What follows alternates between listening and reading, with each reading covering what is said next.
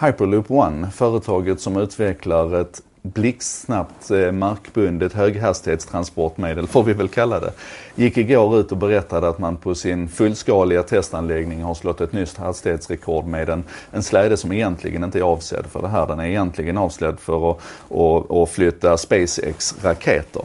Men den här släden i alla fall, den nådde 220 miles per hour. Det är ungefär 350 kilometer i timmen. Det är blygsamt för Hyperloop siktar på 1000 km i timmen i snitthastighet och det ska jag snart berätta mer om. Men det som också hände igår, det var att Trafikverket gick ut och, och sa att man nu rekommenderar och, och, planerar för att höghastighetstågen i Sverige som ska binda ihop eh, Malmö, Göteborg och Stockholm och, och liksom revolutionera tågresandet i Sverige. Där sänker man den, den hastigheten, topphastigheten från 320 km i timmen till 250 km i timmen av en mängd just nu goda skäl. Men det här är ju liksom, det här, det här får mitt huvud explodera lite grann.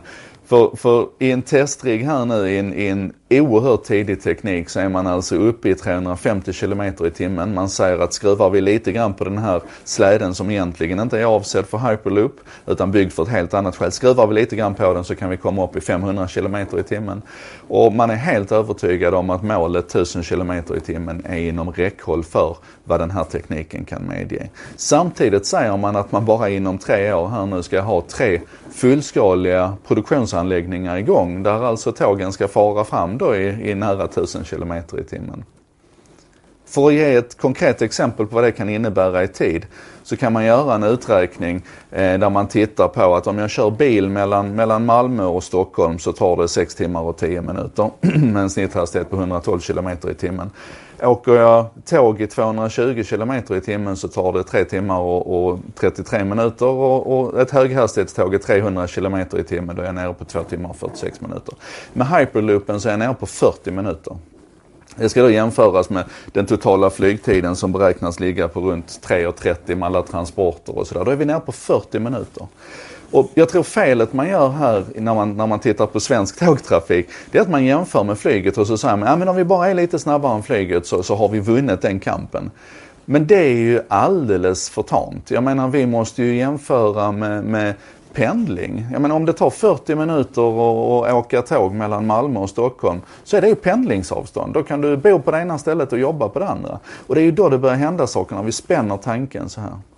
Och det som jag nästan tycker är mest skrämmande i hela det här upplägget är att experterna runt de här så kallade höghastighetstågen i Sverige bedömer att, att den här, de här linjerna Malmö, Göteborg, Stockholm kommer att vara i full drift 2060 eller möjligtvis 2070. Jämfört då med Hyperloops ambition att om tre år så ska man vara igång.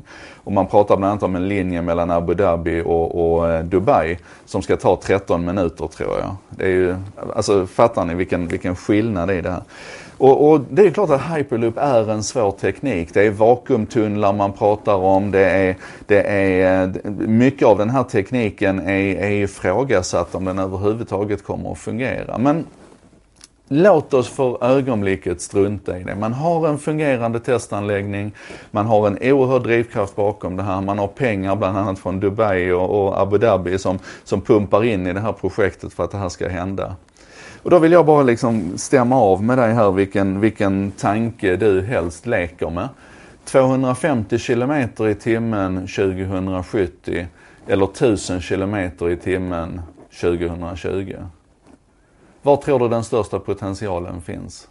Och så gå nu hem och så läs på lite grann om Hyperloop och titta på deras filmer och sånt och så, och så jämför med hur vi pratar om de svenska höghastighetstågen. Det är, det är faktiskt en, en ruggig obalans i det där. Vi måste göra någonting åt det. Vi kan inte hålla på och sikta så lågt.